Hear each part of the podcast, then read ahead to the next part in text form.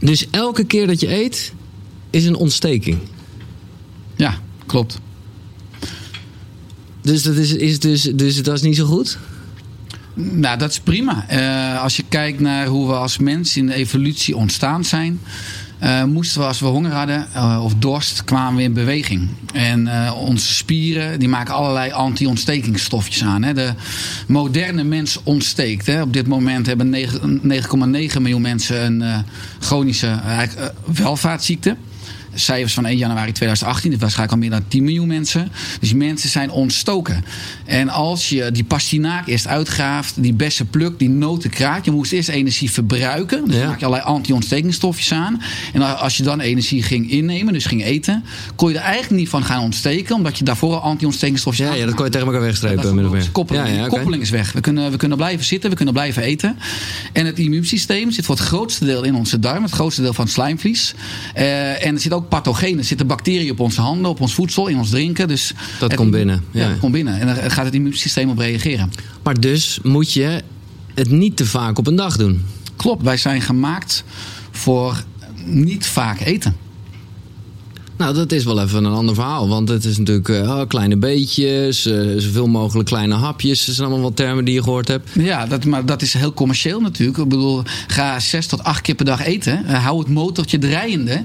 Dat is wat we horen ook van de diëtiek in de ja. van vijf. want ja, dan doen we meer boodschappen, doen we vaker boodschappen. En uiteindelijk geef ik dat advies ook aan mensen aan wie ik een hekel heb. Heb ik een minder. ja, nee, precies. Maar het is een fucking slecht idee, want je ontsteekt jezelf zes tot acht keer op een dag. Ja. Dus eigenlijk als je. Want ik doe nu een beetje aan intermittent fasting. Dus dan eet ik maar zeg maar twee keer op een dag. Dat is dus soort van beter. Ja, je hebt veel minder ontstekingsstoffen. Eigenlijk anti-ontsteking is dat. Je bent veel efficiënter, effectiever. Ook in je brein veel meer scherpte, veel, ja, ja, ja. veel meer focus. En wat je eigenlijk je lichaam leert, hoe je je lichaam traint, je stofwisseling, is dat je zowel op suikers kunt branden als op vetten. En dan ben je vrij. Want dat betekent dat je stemming, je energie, uh, maar ook op de lange termijn gelukkig en gezond oud worden. Ja, die kans is veel groter, omdat je uiteindelijk je lichaam geeft wat het nodig heeft. En dat is een beetje het probleem. IKEA-kast, handleidingen bij. Auto, handleidingen bij. Maar we worden geboren zonder handleiding. En de meeste mensen leven wel met beste plan, intentie. intentie precies. En ook wat je van alle commerciële instituten hoort. Maar het staat gewoon haaks op hoe we zijn ontworpen. En wat ons lichaam, ons DNA, onze handleiding echt nodig heeft. Och man, we gaan nog zoveel leren de komende minuten. We zijn pas net begonnen. Mag je een applaus voor Richard de Let. Uh, ja, dokter Anders en ook echt wel een andere dokter. Want uh, in 2007 uh, gooide jij witte jas aan de wilgen. begon je eigenlijk de, de reguliere en de complementaire gezondheid, zeg je dat, geneeskunde te, te combineren. Zeg maar het oosten en het westen. 2012 kwam je met Oersterk, gelijk bam een bestseller. Je hebt waanzinnige dingen gedaan als echt daadwerkelijk ook als een oermens leven. Hè? twee weken lang in 2013. Je bent met Wim Hof, nou ja, Koekeroe-gast in 2016 uh, Kilimanjaro opgegaan. Waanzinnig. En ongetraind ook? Nee, ik heb drie maanden koude training gedaan met ah, Oké, okay, daar heb je wel echt trainingen gedaan. Nee, dat zou ik niemand aanraden om... Uh, nou ja, hij is inmiddels wel een stap verder dat hij ook zegt... dat kan ook zonder training. Dat kan Wim zonder training. Ja, nee, ja. Daar ben ik het mee eens. ja.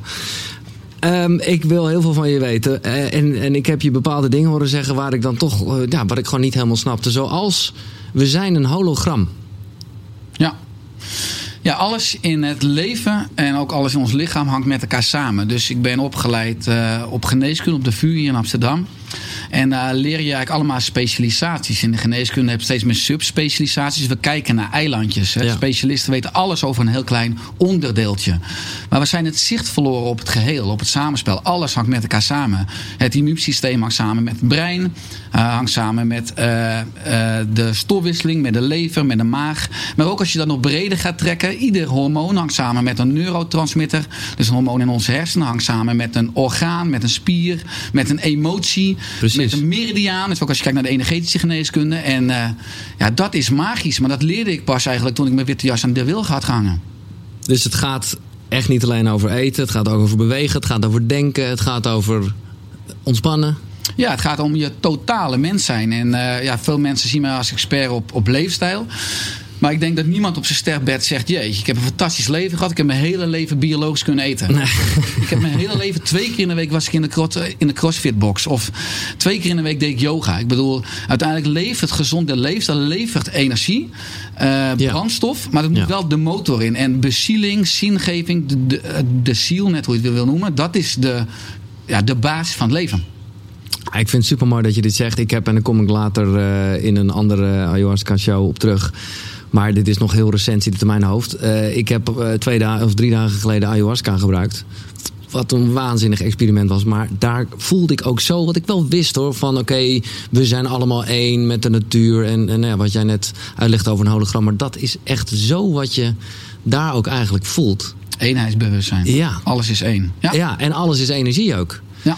Is, uh, uh, jij bent op een gegeven moment ook, nou ja, omdat je ja, toch wel op zoek was naar jezelf. Of, of nou ja, ik weet niet, ik ben wel benieuwd. Maar jij bent op een gegeven moment ben je wel heel erg dus dat pad ingegaan. Nou, heel erg wat ik ook nu met Koekeroe aan doe. Met gewoon ontdekken. Ja. Wat heb je allemaal gedaan? Ja, ik ben enorm nieuwsgierig. En dat had ik al in de reguliere geneeskunde. En dat is niet echt iets wat gewaardeerd wordt. Dus dan heb je al snel de titel moderne kwakzalver. Nou, vind ik inmiddels een eretitel. Ja. Uh, dus ik ben goed bezig. Uh, maar uh, kinesiologie heb ik gedaan in mijn geneeskunde. De spiertesten. Oké. Okay. Dus dan kan is eigenlijk de spier een ingang naar je geheugen. Ook je onderbewustzijn. Waar natuurlijk heel veel antwoorden zitten. Uh, ja, ik heb transcendente diepte meditatie gedaan. Ik heb reiki gedaan. Ik heb uh, uh, gedaan. Ik, ik, ja, ik, ik, ik heb fytotherapie gedaan. Ik heb hypnotherapie gedaan. ik ben de meeste dingen trouwens ook gaan studeren later als studie en opleiding.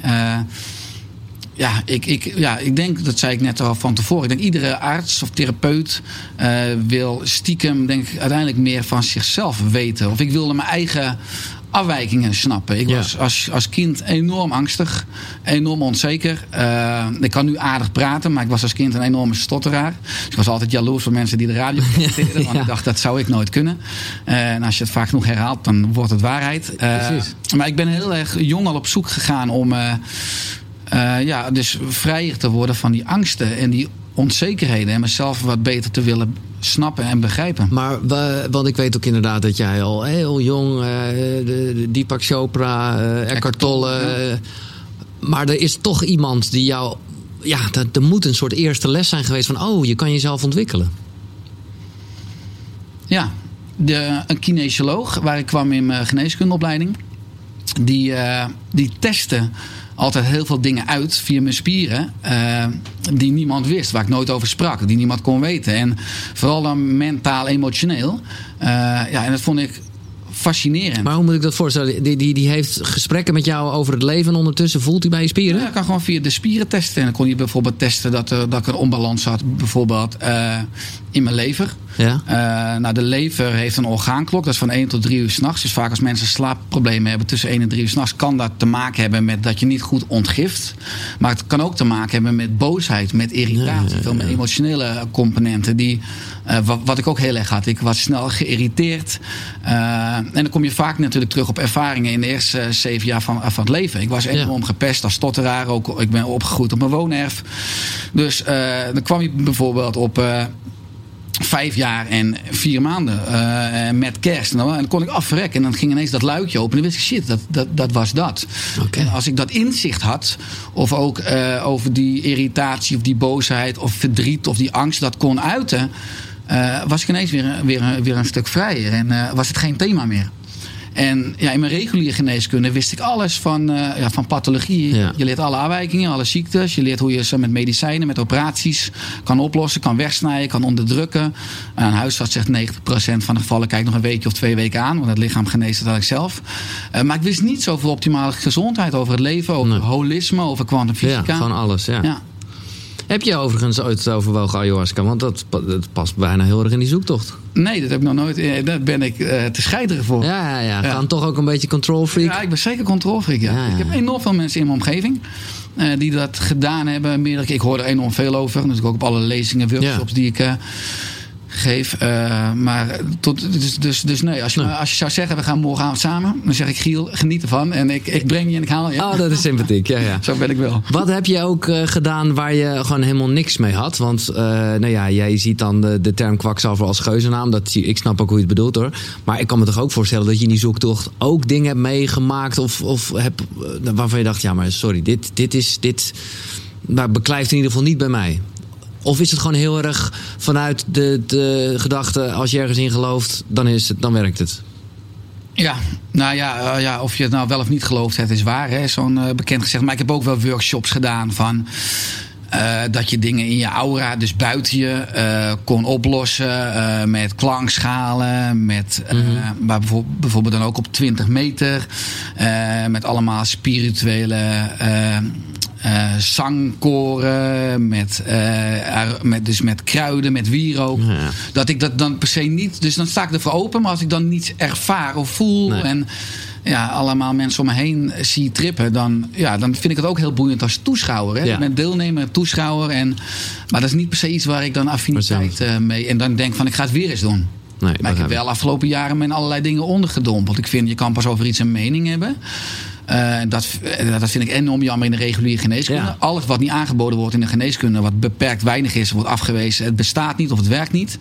Uh, maar dat is in mijn optiek compleet onjuist. En ik wil wel heel veel dingen ervaren om er ook een mening over te kunnen hebben. Heb je nog vrienden uit die tijd? Of had je sowieso geen vrienden? Weinig, ja, ja zeker, zeker. Maar ja, ze vonden me toen een enorm rare quibus. Uh, is natuurlijk ook best wel achteraf gezien ja, best wel moedig als je kan een rode lopen richting huisarts. Ja. ja, je verdient 4000 euro netto per maand. Ik ben in 2007 mijn witte jas opgehangen. Ik ben mijn praktijk voor integrale geneeskunde gestart. In 2011 kwam ik dus in een soort spirituele crisis. Want ik had nog steeds twee patiënten per week in mijn praktijk. Huisartsen, uh, huisartsen wilden niet met me samenwerken. Ik moest me 60 uur per week verhuren aan thuiszorginstellingen. Dus ik dacht, Richard, ben je toch een sukkel? Dat je eigen weg moest gaan. Hè? Dat je eigenwijs moest zijn. En ik, ik stotterde, dus ik had een enorm verlangen. Ik wilde een boodschap uitspreken, maar ik durfde het niet. Ik denk, ik kan blind typen. Ik ga mijn boodschap opschrijven in een foldertje. Dat liep uit de hand. Werd een boek, werd, werd een bestseller. En een paar vrienden van de VU. één is MDL-arts, één is huisarts. De eerste jaren ook naar mijn boeken dachten ze nog steeds een beetje... Ze vinden me wel gewoon aardig, een klik, maar professioneel toch een beetje een rare kwiebus. Mm. Ze zagen, net is mijn negende ja. boek uitgekomen. Ik ben in nationale media geweest. Dat ze natuurlijk zien dat tienduizenden mensen me volgen. Dat per jaar nu honderden, nou, 150.000 mensen met gemak per jaar bereiken. En dat er enorm veel mensen positieve reacties hebben. Beter zijn geworden, ja. genezen zijn. Uh, dus toen zijn ze zich wel steeds meer gaan openstellen. Van maar wat doe je? Dat is blijkbaar, het werkt misschien dus wel. Maar heb je de indruk dat het... Uh aan het veranderen is? Of, of, is, of zijn we gewoon fucked en is het hele systeem gewoon een beetje verkrekt... waarbij uh, nou ja, de gezondheidszorg alleen maar beter is met het verstrekken van medicijnen? De patiënt uh, krijgt op dit moment in ons land niet de beste zorg. En dat vind ik een enorm pijnpunt. Maar ik denk als je een brede trekt, ik denk dat dus de wal het schip gaan keren. Ik denk dat we ten onder gaan aan ons succes. Dat zie je, de moderne mens wordt zieker, wordt dikker, wordt dommer. Uh, dus dat is fantastisch, want ik kan honderd praktijken vullen. Ja, over, voor jou is business, ja. Mijn coaches die ik nu opleid, duizend. Ja, ja, ja, uh, maar ik geloof ook in positiviteit. Ik, ik geloof eigenlijk alleen als je naar de wereld kijkt. We worden geboren. En uh, mensen leven daarin bewust en onbewust door de leefomgeving. Ik bedoel, kijk eens op, op, uh, op scholen waar we niets leren over ons lijf, over onze geest, over onze ziel. Er is iemand jarig en we krijgen suikerrijke tractaties. We moeten op stoeltjes zitten terwijl kinderen daar niet voor gemaakt zijn. Uh, nu merk ik mijn eigen zoons, iPads, al die prikken, al die schermpjes. Dus de huidige generatie is zwakker dan ooit. Maar we leven onnatuurlijk. Het lichaam gaat op een gegeven moment signalen geven als vriendmechanisme. Omdat je wil laten weten dat je iets moet bijsturen. En we komen uiteindelijk bij de geneeskunde uit. En de geneeskunde moet dus schade van onnatuurlijk leven herstellen. Maar dat is eigenlijk niet eerlijk. Dat, nee. dat is ook onjuist. Ik zeg eigenlijk, gebrek aan ethiek is dat we in de maatschappij geen enkel overheidsinstituut hebben of die ons leert hoe we de juiste zelfstof voor lichaam en geest kunnen. We hebben een commercieel voedingscentrum exact. met een schietschijf van vijf. Ja. Maar we hebben niet een onafhankelijk leefstijlcentrum. En dat is, vind ik, een enorm groot maatschappelijk falen. En dat is mijn missie met Oester. Nee, dat, dat weet ik. En dat, dat is ook fantastisch. Omdat het dus inderdaad, ja, de klassieker... Uh, voorkomen is beter dan genezen. Ja. Maar dat is, daarom zeg ik een beetje, we zijn vak. Dat is, heb ik ja, totaal klopt. nog niet. De, de, het gevoel ja. dat het, omdat ja, we weten allemaal dat er geld verdiend wordt met medicijnen. En, en, en ik hoorde jou een keer zeggen, dacht ik, ja, dat is echt zo. Je kan geen patent op yoga of meditatie aanvragen. Dus ja, daar zit geen business in. En dat is wel zoals de, de prikkel werkt. Dus als jij, als jij positief fantaseert. hoe, gaat dat, hoe gaat dat goed gedraaid worden dan? Ja, ik geloof in, in positiviteit. Ik geloof in universele verantwoordelijkheid. Wat in ieder mens veelal waakt en sluimert of nog moet ontwaken.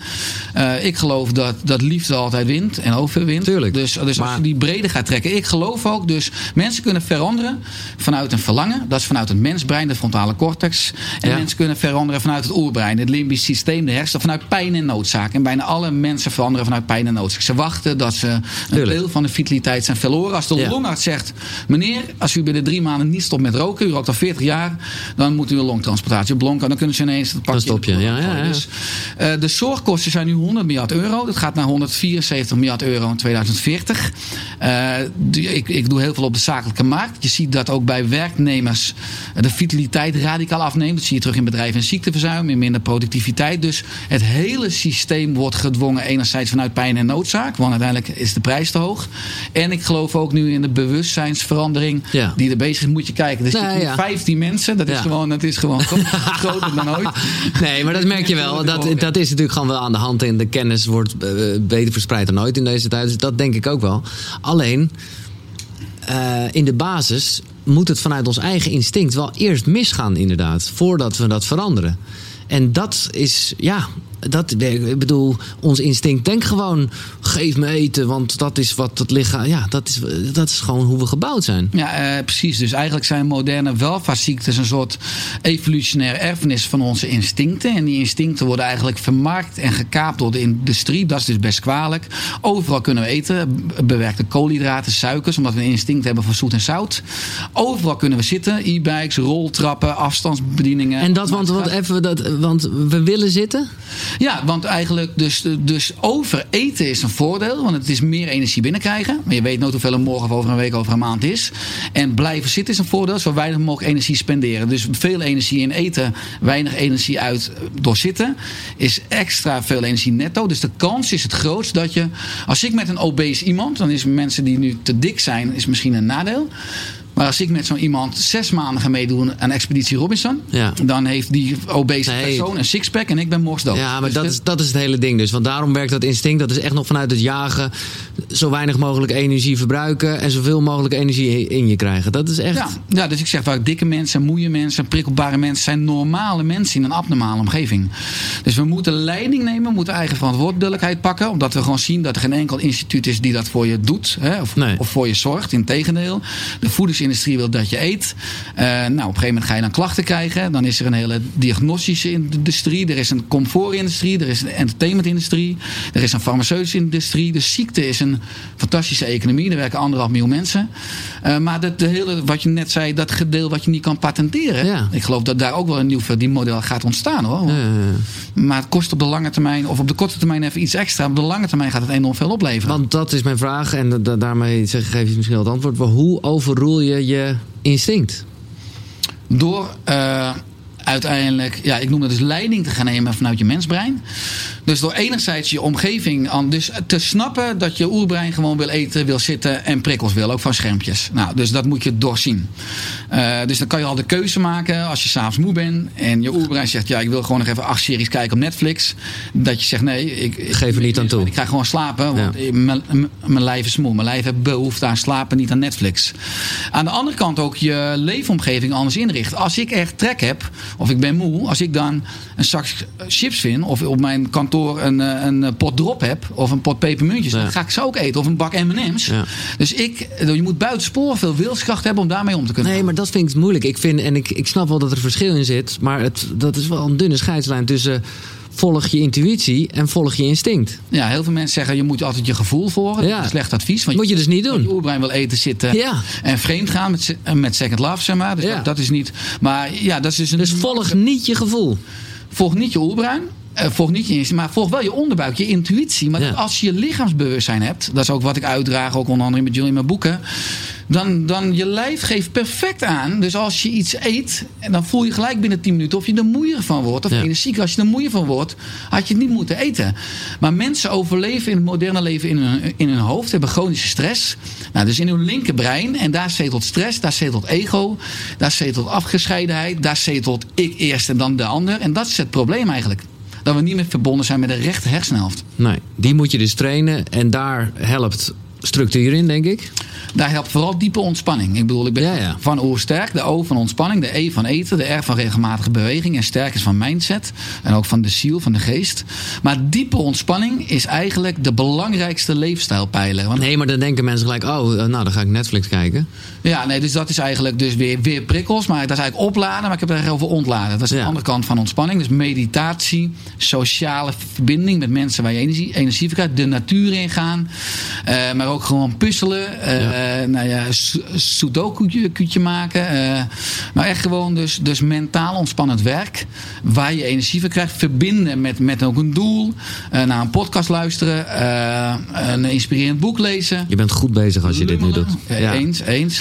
dat, dat zorgt voor het aanzetten van de parasympathicus. Dat deel van het zenuwstelsel dat zorgt voor opbouw, voor herstel, voor genezing. Maar ook voor doorbloeding van het rechte brein. Dat is wat ayahuasca als een malle opent. En dan voel je eenheidsbewustzijn. Dan voel je liefde. Dan voel, je niet ik eerst, maar wij allen. En ja, dan voel je verbondenheid. En dat is, wij zijn als mens enorm sociale, spirituele wezens. Eh, alleen als je chronische stress hebt, dan overleven we in ons linkerbrein en dan worden we beesten. Ja. Dan onderscheiden we ons eigenlijk niet meer van beesten. Nee. Terwijl compassie, empathie, liefde, dat is vooral in een, in een juiste doorbloeding van het brein. Wat is nog een beetje jouw valkuil? Ja, nou, hetzelfde. Mijn Ja. valkuil is dat ik ten onder ga soms aan mijn ambitie. Dat eh Precies. dat groeien hard vanuit, eh vanuit Oersterk. Ik ben nu met mijn tiende boek bezig. Ik heb ook tien mensen in dienst. Eh, ik vind alles leuk. Dat is een valkuil. Dat ik vaak niet goed inschat hoeveel uur een project kost. Dus Ja. dan heb ik uiteindelijk stress. En dan heb ik wat sneller irritatie. En dan vind ik het leven dus niet meer zo mooi. Dan denk ik, jee, wat is het? Wat is nee. En dat is wel eh, mijn, mijn valkuil. Wat is jouw ochtendritueel? Mijn ochtendritueel is, eh, ja, dat is de Oerstuk Journal is net eigenlijk een week eh, uit. Ja, Eh, ik doe iedere dag iets qua ontspanning. Dus mediteren, ademhalingsoefening als ik opsta. Eh, oh, ik vind het wel grappig. Staat, een koude douche staat hier onder ontspanning. Ja. Ik vind het, ik doe het, maar ik vind het, het is, ik vind het zelf, ja. Nee, kijk, een koude douche. Als je naar je oerbrein luistert, zegt je oerbrein natuurlijk: je bent hartstikke gek. Ik bedoel, er zit ook een, een, een warme, warm waterstand. Dus, eh, maar eh, een koude douche is acute stress en dat heet hormese. Dus dat is een kleine dosis. Ik bedoel, als je drie uur onder een koude douche staat, is het chronische stress. Daar word je Ja. er zwakker van. Maar een koude douche, 10 seconden, een minuut of drie minuten of 10 minuten. Toen ik met Wim Hof naar de Kilimanjaro ging, wist ik, zei Wim ook: je moet 10 minuten onder de koude douche kunnen blijven staan om mee te mogen. En Ja. niet laf. Een voet Nee, een gewoon vol eronder, echt je nek. En, Ja. eh, ja, precies. Eh, maar dat is acute stress. En dat heeft een positief effect op. Kijk, als ik dan het buiten ben. Gezondheid is niet de aanwezigheid van ziekte. maar de aanwezigheid van vitaliteit. Nou, dat is het ene containerbegrip voor het andere. Vitaliteit is opgebouwd uit drie sleutelsystemen die goed moeten functioneren: het autonome zenuwstelsel, het immuunsysteem en het brein.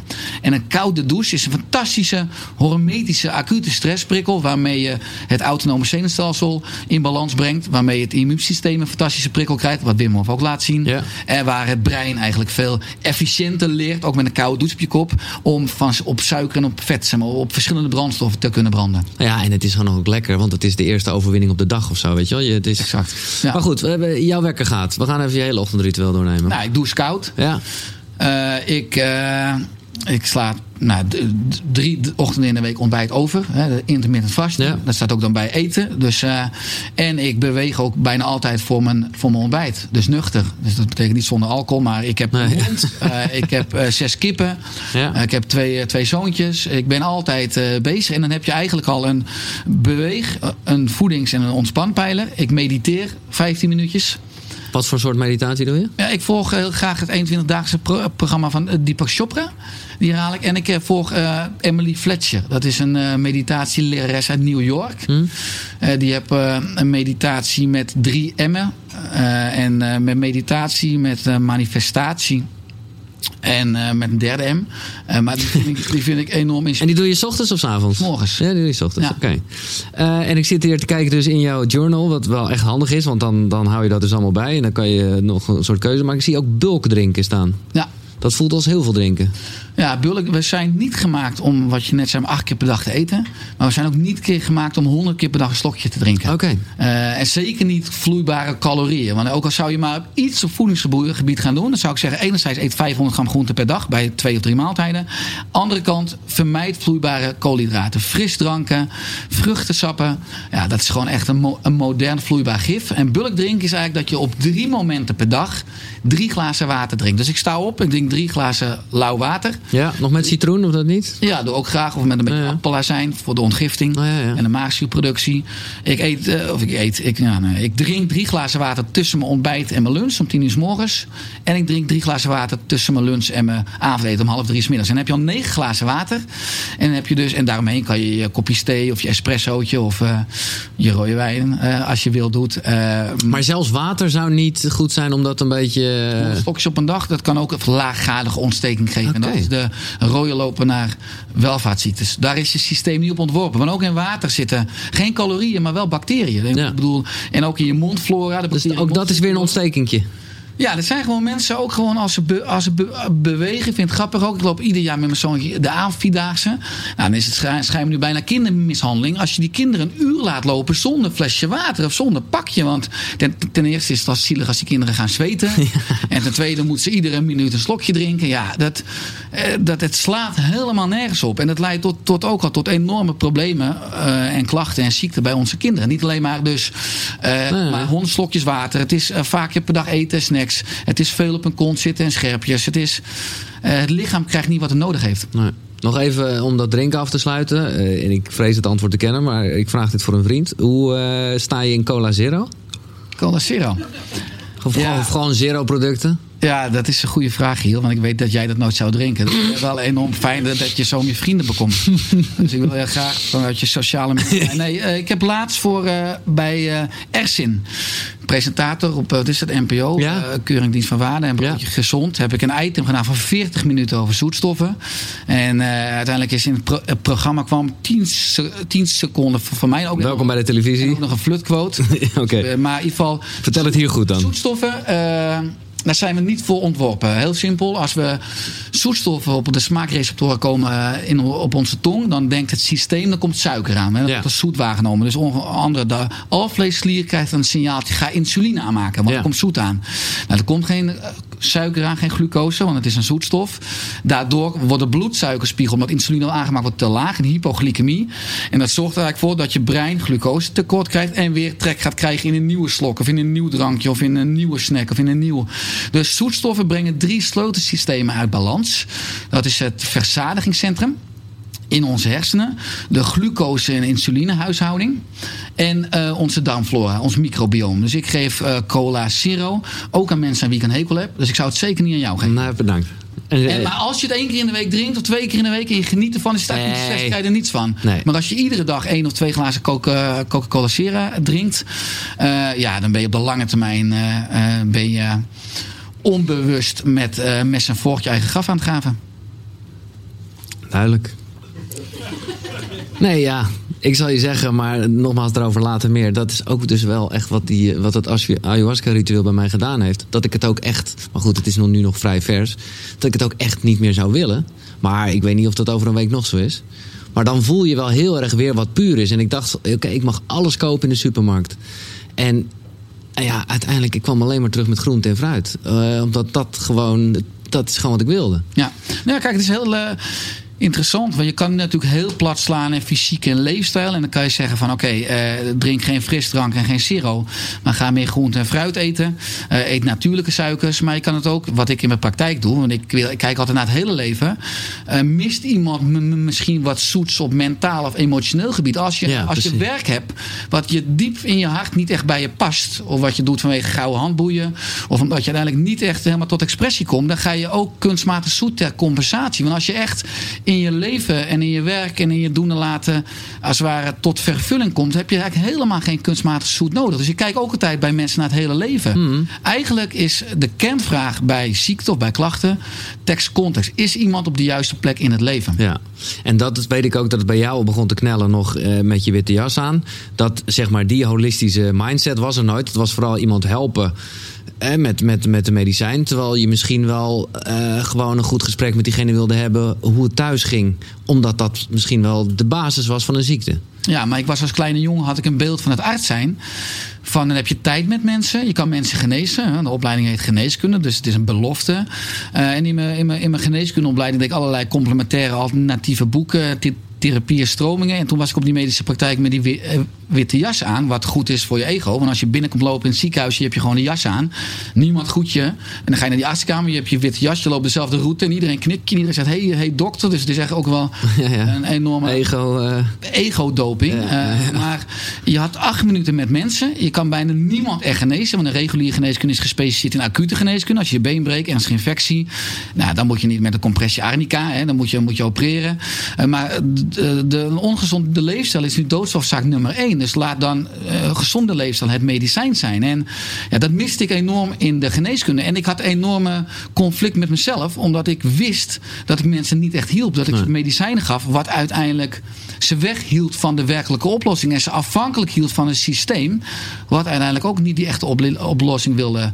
Maar uh, zeg, je, zeg je dan eigenlijk, want het is altijd uh, risky, maar dat als mensen een ziekte hebben, dan komt dat dus echt ergens door. Misschien wel door hun mindset, misschien wel door hun eten. Maar dat, dat, dat ja, ergens hebben ze de, zijn ze daar zelf voor verantwoordelijk? Nee, dat vind ik. Nee, je begon je vraag, je stelling heel mooi. Was ik helemaal mee eens. Nee, ik vind dat. Uh, dat is een beetje de vraag als je zegt. Ik zeg het leven is niet maakbaar, maar wel stuurbaar. Ja. Uh, dus als je ziek bent, dan vind ik het niet. Uh, je bent wel verantwoordelijk trouwens richting de toekomst, maar niet per se schuldig richting het verleden. Maar iedere klacht of iedere ziekte is inderdaad een signaal, een noodkreet. Uh, vanuit lichaam, geest, zielmechanisme. Dus natuurlijk is er een persoonlijk antwoord. Maar om het heel simpel te houden. Uh, als mensen iedere dag een, uh, een, een, een cola zero drinken en een, en een donut dan krijg je iedere dag te veel suikers binnen en zoetstoffen. Nou, dan wordt je lichaam op een gegeven moment wat ongevoeliger voor glucose. En dan wordt het insulineresistent, insulineongevoelig. Nou, dat is een rode loper naar welvaartsziekte. Op de korte termijn is dat een beschermingsmechanisme om ervoor te zorgen als je iedere dag een cola drinkt en een donut eet, dat de systemen goed kunnen blijven functioneren. Ja. Maar op de lange termijn leidt het tot, obes tot diabetes, obesitas, prostaatvergroting, misschien kanker. Ja, dan is die kanker 15 jaar later het gevolg van een doorgeschoten aanpassing aanpassingsmechanisme. Want de natuur, alles heeft een voordeel. Ja. De natuur wil niet dood, wil niet ziek worden, maar we leven compleet onnatuurlijk. Dat voordelige korte termijn aanpassingsmechanisme, wat ons systeem continu doet, als we het niet oplossen of niet natuurlijk gaan leven in de tussentijd, kunnen we op de lange termijn daar letterlijk ziek van worden. Dus dat is een ander verklaringsmechanisme. Maar goed, daar heeft uh, uh, stress, of in ieder geval ongelukkig zijn, een versterkende factor in. Ja, tuurlijk. Ik denk dat, wat ik zei dus, uiteindelijk alles begint met de, de essentiële vraag van waar word je gelukkig van? Waar, word je energie, waar krijg je energie van? Wat ja. is je passie? Ja. En ja, als mensen dus niet op het juiste zielenpad zitten, als, als je het zo wil uitdrukken, dan gaat het lijf ook signalen geven of eventueel. En dat begint, ik bedoel, ik, dus ik zal een praktisch voorbeeld. In mijn praktijk komt iemand bij me met een huidklacht. Nou, je gaat naar de huisarts toe en je krijgt een hormoonzalfje. Een soort eczeemachtig iets. Ja. Ja, ja. Of okay, ja. of uh, huidontstekingen. Nou, Eigenlijk is dat op de huid het benzinelampje dat gaat branden. Op het dashboard. En de huisarts draait het lampje los, gooit het weg. En ja, met andere woorden, problemen opgelost. Maar het is een projectie uit de motor. Is het deel van onze slijmvlies. Dus wat zie je? Iemand daarna een jaar, ik heb bijvoorbeeld astma of luchtwegproblemen. Dat is een vitale systeem. Je lichaam zegt, als je mijn signaal niet begrijpt, als je niet snapt wat ik je wil, wil gaan we het anders doen. Dan gaan we het groter maken. Ja, nou, astma. Nou, ja. Nou, ja, in ieder geval, dat kwamen mensen komen dan niet bij mij, maar bij de huisarts krijg je een puffertje. En dan komen mensen twee jaar later bij mij met een chronische darmontsteking. Ja, dan zegt je lichaam, als je me nou nog steeds niet begrijpt, dan ga ik wel aan de noodklok luiden. En dan zie ik heel veel, en dat vind ik dus de magie als mensen bij me komen met klachten. Ik maak een film van het leven. Ik laat mensen zien welke domino-steentjes omgevallen zijn van allerlei verstoorde sleutelfuncties. En het is allemaal hartstikke logisch. En die tekening die ik voor mensen maak is al, dat heet die is al een heel het inzicht. Dat ze weten, oh, ik ben al twintig jaar bij in de geneeskunde en nooit iemand heeft kunnen uitleggen, het zijn maar vage klachten. En nu snap ik voor het eerst hoe het ontstaan is. En het is nog compleet logisch ook. En dat is eigenlijk al nou, het begin van genezing. Maar is dat dan, of, of, of zit hem dat juist in alles? Want moeten ze dan uh, hun eetpatroon aanpassen of hun denkpatroon? Of een Ze moeten het beweegpatroon. Of... waar het grootste conflict zit. Ja, ja, ja. Dus als je het uittekent, verandert de perceptie, verandert het denkpatroon eigenlijk al, omdat je samenhang laat zien. Vaak moeten mensen ook het eetpatroon aanpassen, vaak moeten mensen ook het bewegen.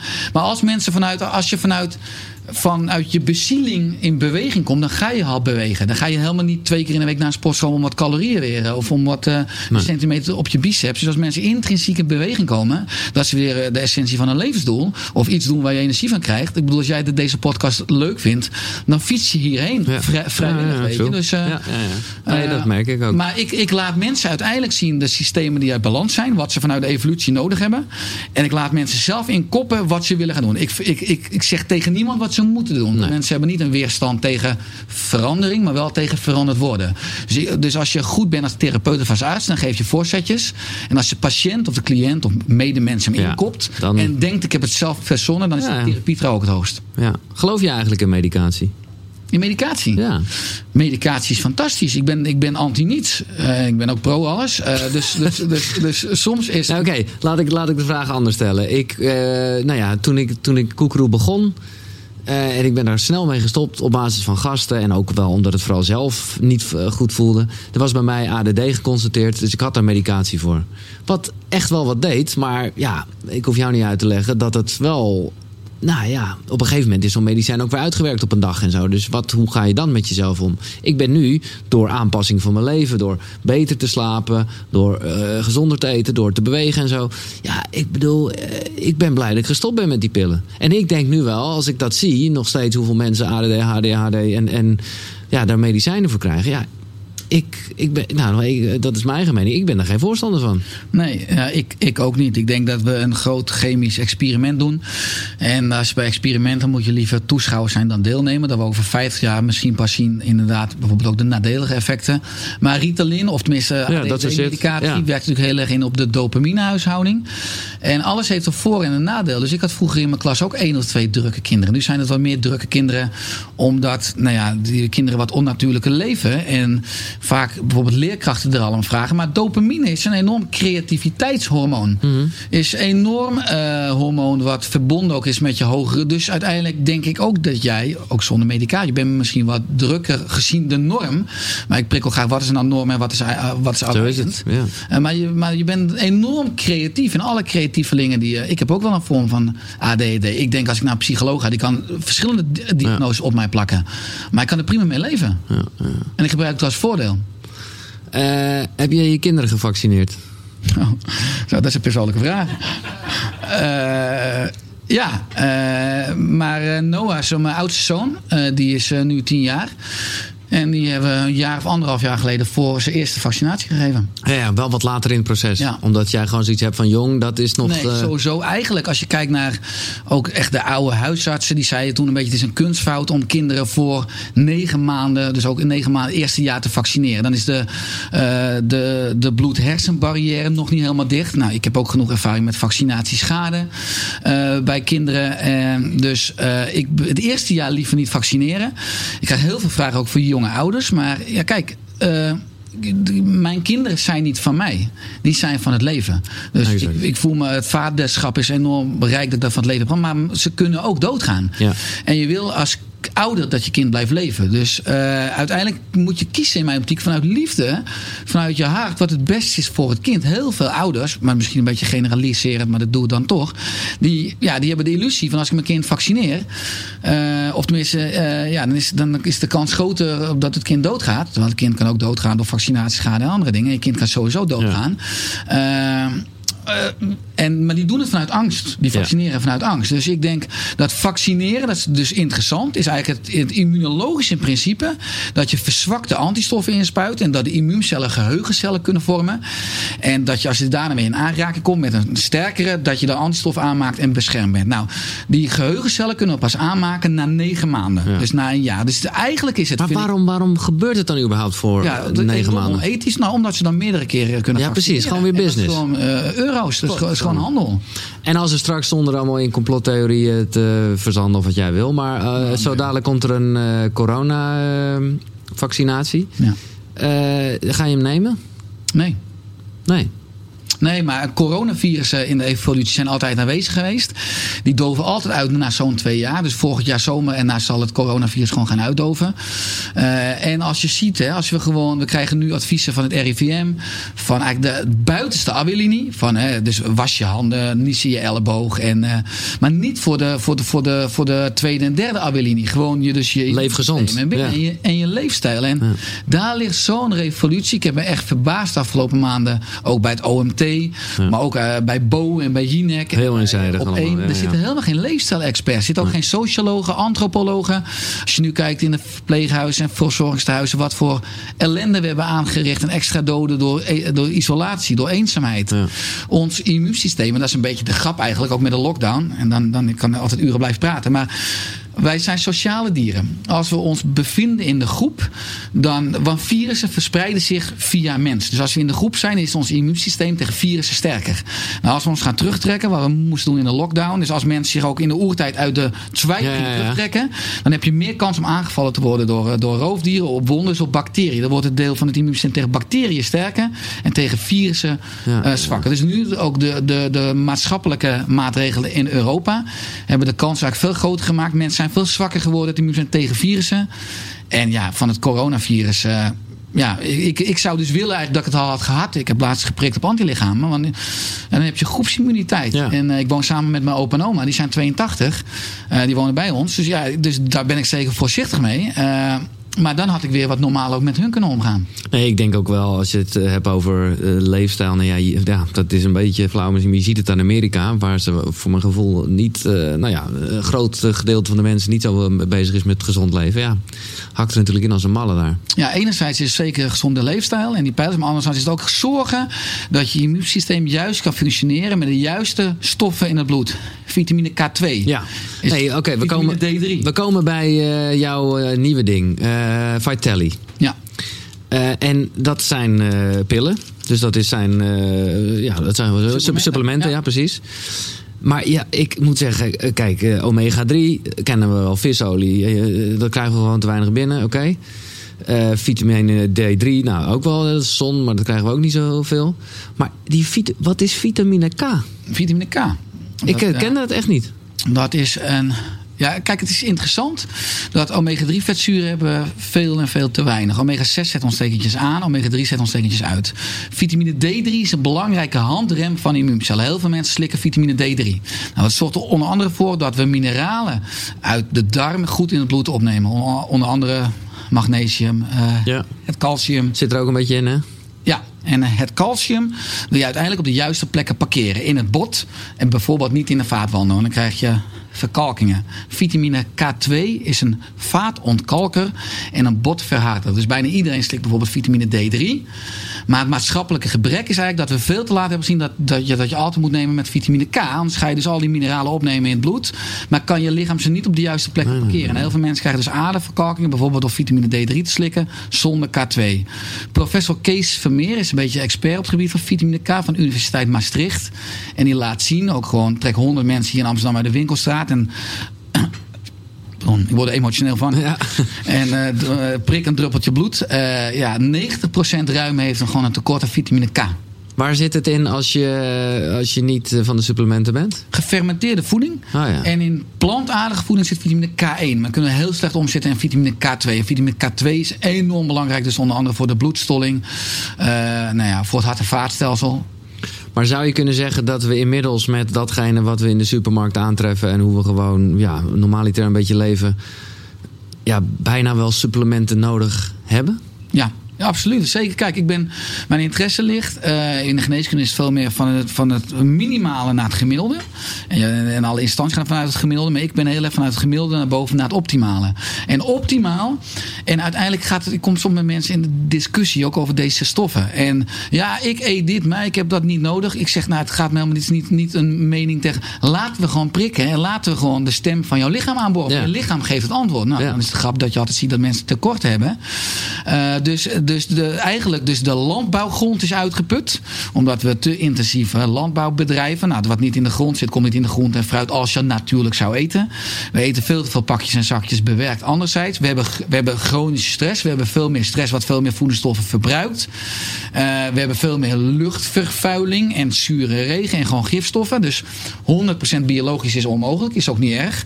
Als je goed zorgt voor je lever voor je, voor je immuunsysteem. Onder andere met deze stoffen. En in mijn optiek is het onmogelijk om dus ook met de juiste supplementen optimale doseringen te hebben. Wat je uiteindelijk wil voor een sterk immuunsysteem, een sterk ja. autonoom zenuwstelsel en een sterk brein. En hoe zie jij de toekomst? Uh, want jij zegt dat inderdaad uh, terecht, denk ik. Oké, laat je gewoon even onderzoeken. Hè? De, gaan we naar uh, een tijd toe waarbij iedereen dat gewoon regelmatig doet en, en dus bepaalde dingen krijgt voorgeschreven? Of, of, of, of gaat het gewoon werken met dit soort universele. Nou, kijk, het zou fantastisch zijn als we. We gaan denk ik steeds meer naar een persoonsgebonden geneeskunde. Ja. Ik ben opgeleid vanuit protocollen. Ik heb hier bijvoorbeeld ook een, een ring om, een aura-ring. Nou, die meet hoeveel stappen ik per dag zet. Die meet mijn oh. hartslagvariabiliteit. Dus ik kan altijd zien, gewoon op de app, of ik ontspannen ben. Het is gewoon een soort metalen ring die verbonden is met je telefoon ja, of iets. Je hebt allemaal, uh, zit onder middel, die heel veel mensen vinden hem lelijk. Sommige mensen zijn eerlijk en die vragen ook. We mag vragen wat voor ring je naast je trouwring hebt. Maar die hebben allemaal sensoren. Ja, ja ik zie het. Vet. Meet gewoon, dus die meet s'nachts ook mijn slaapstadia. Ik kan zien mijn delta golven met diepe slaap. Ik kan zien als ik opsta.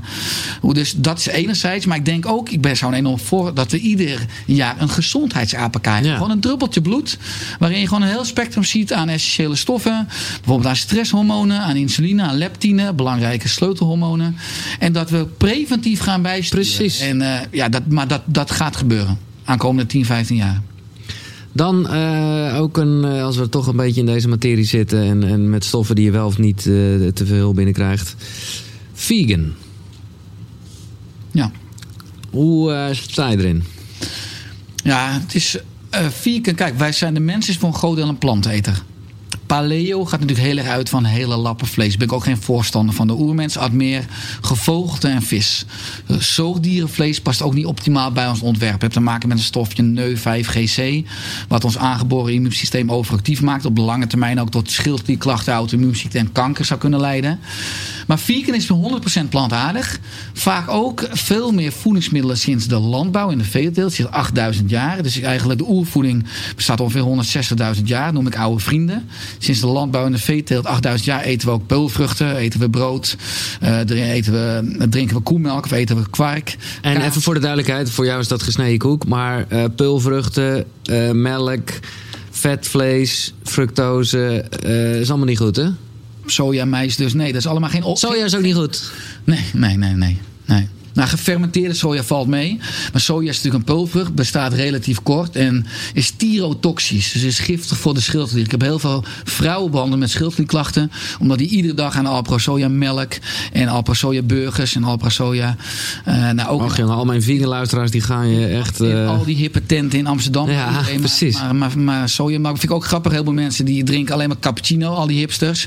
En die zeggen van ja, ik, ik heb geen suiker in mijn koffie, maar dan heb je melk in de koffie, wat ook enorm van melksuiker in zit. Ja, ja, ja. Hetzelfde. Maar terug naar je vraag, vegan. Uh, dus die mensen eten relatief wat meer antinutriënten. Uh, wat ik zeg, die, die, die uh, onder andere peulvruchten, uh, maar ook bijvoorbeeld brood, pasta.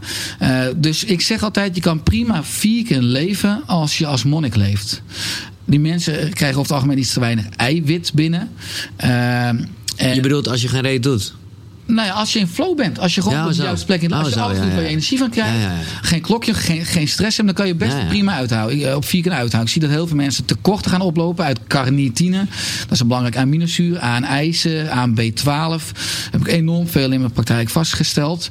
Uh, dus het is, kijk, bijvoorbeeld men, uh, vegans gaan pulvrucht eten. Je noemde het net. Een pulvrucht, dat is een stukje voedingsleer, is eigenlijk het kind van een plant. En een plant, de moeder, een beetje open deur, maar een plant kan niet wegrennen.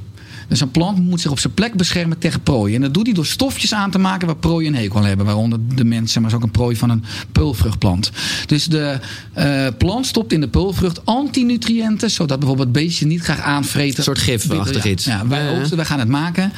Er zitten lectines in, saponines. Ook als je peulvruchten kookt die zeeplaag zijn saponines, zeepstoffen. Kunnen de darmbarrière ook wat stuk maken, irriteren.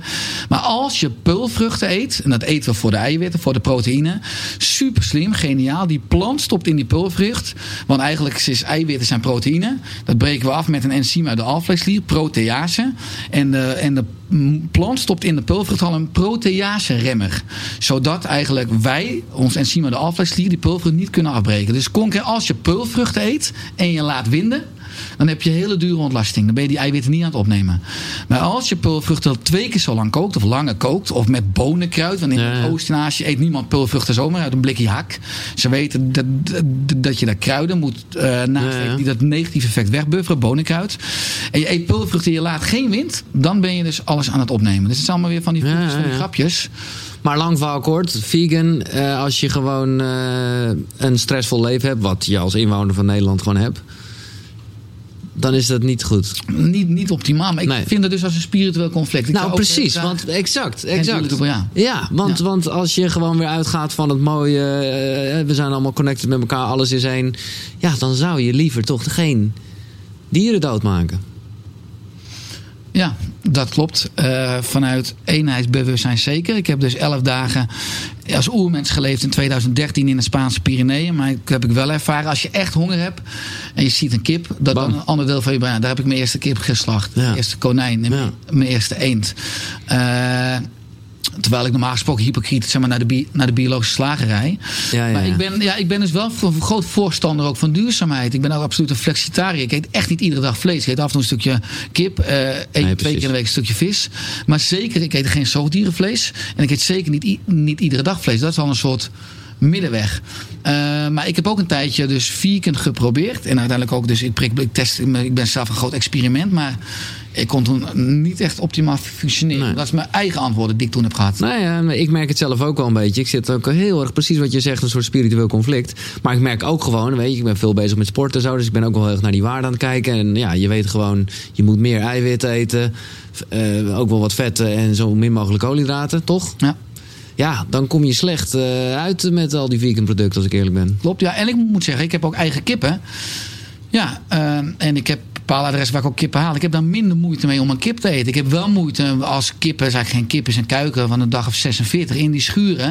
Ik denk ook de wijze waarop we met dieren omgaan. Dat is denk ik ook wat wel vegans hebben vanuit dierenwelzijn. Daar wil ik ook niet aan bijdragen. Nee, maar ik heb, nee, ik heb persoonlijk niet zoveel moeite met een kip die een heel goed leven heeft gehad. En die kip geweest is. Om die te eten. Dat hoort er gewoon ook bij. En misschien, ja, nou ja. Uh, nog eventjes terug naar uh, uh, jouw pillen of zo je supplementen. Ja, ja nee, ja, whatever. Ja, uh, prima feitelen, ja. Want daar, jij noemt net bijvoorbeeld, en ik realiseer me dat ik dat bijvoorbeeld slik, want dat heeft ooit iemand me aangeraden, dat, dat carnitine. Ja, jij, er zit er bijvoorbeeld niet in. Dus jij hebt een soort keuze gemaakt in een basis. Ja, we hebben dus eigenlijk de Vitelli basis nu, zo heet het ook. Dat is dus met omega-3 vetzuren uit, uit vis. Ja. Uh, vitamine D3, uh, vitamine K, magnesium, selenium en jodium.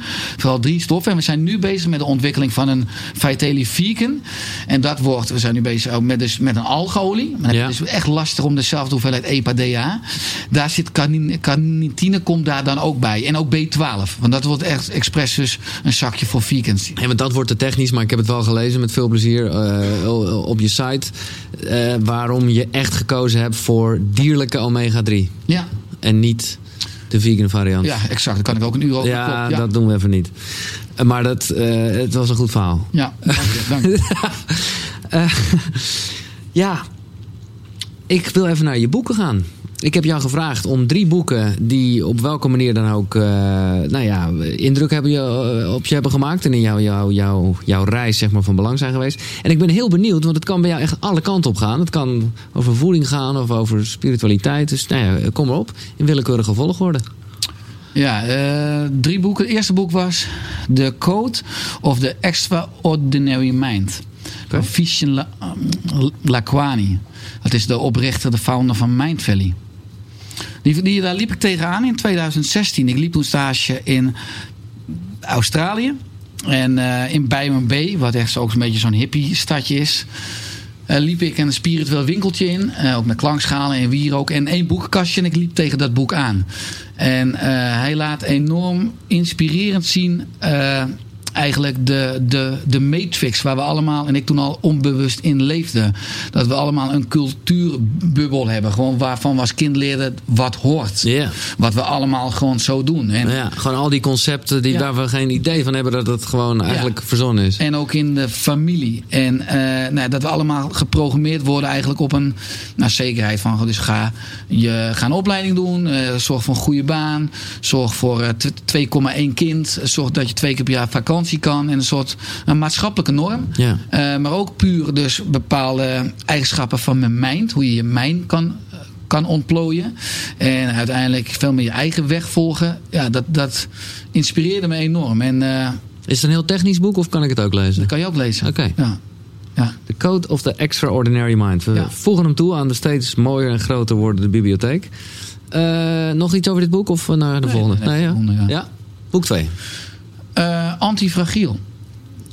Van taal. Daar zit de naam Giel in, vind ik wel leuk. Ja, daarom. Ik denk, uh, ja, antifragiel. Dat, uh, nee, sorry. Ik moet hem pakken. Waar gaat het over?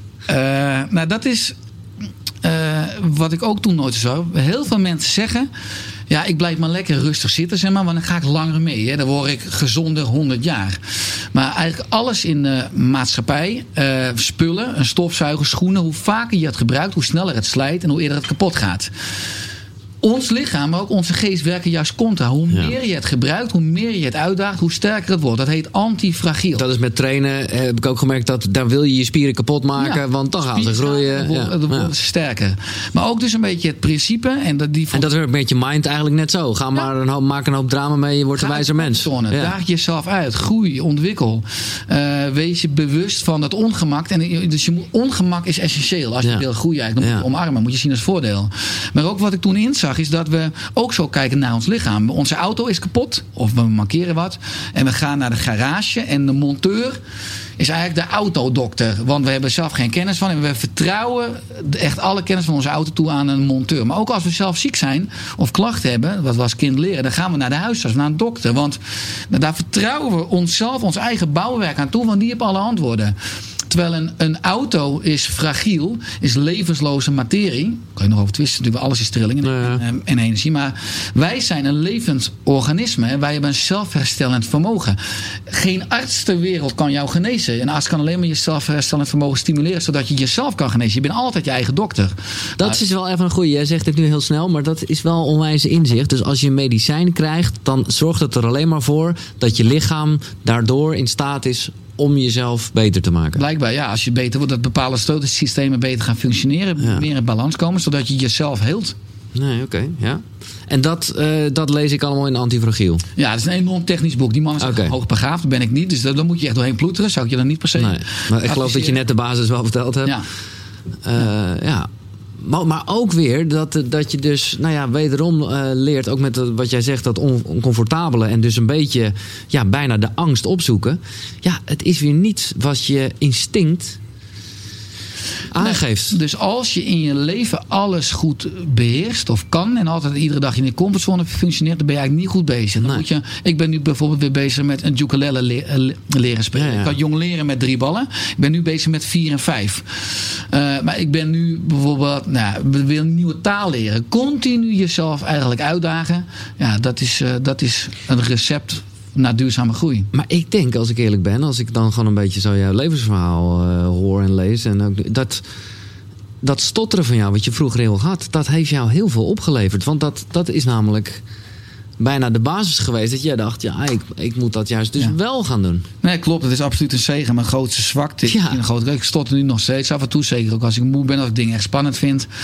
Eh, maar uiteindelijk ben, is mijn overlevingsmechanisme geworden. Dat ik oh, ook op geneeskunde. Ik kan eh, complexe materie, wetenschappelijk, kan ik enorm simpel laagdrempelig uitleggen. Ik moest op de VU ook. eh, ik was eh, in het VU ziekenhuis. Moest ik een presentatie geven over pancreatitis. Een ontsteking van de alvleesklier. Maar ik kon pancreatitis niet. Als ik dat moest uitspreken, konden mensen een kop koffie aan en ik was nog steeds bezig.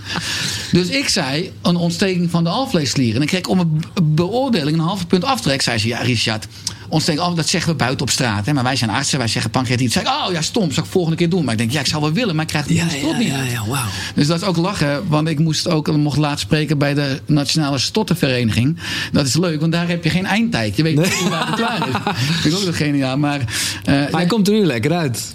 Dat eh, nou, ja, pancreatitis. als, je- of, dus eh, als ik gepassioneerd ben, dan ben ik niet meer met praten bezig. Dan Nee. ben ik niet meer bang. Als je Nee. bang bent, Ja. vroeger moest ik altijd naar bladzijden kijken. Wat ik en dan wist ik, denk oh, ik ga stotteren bij die P, bij die T. en dan dan graaf je kuil.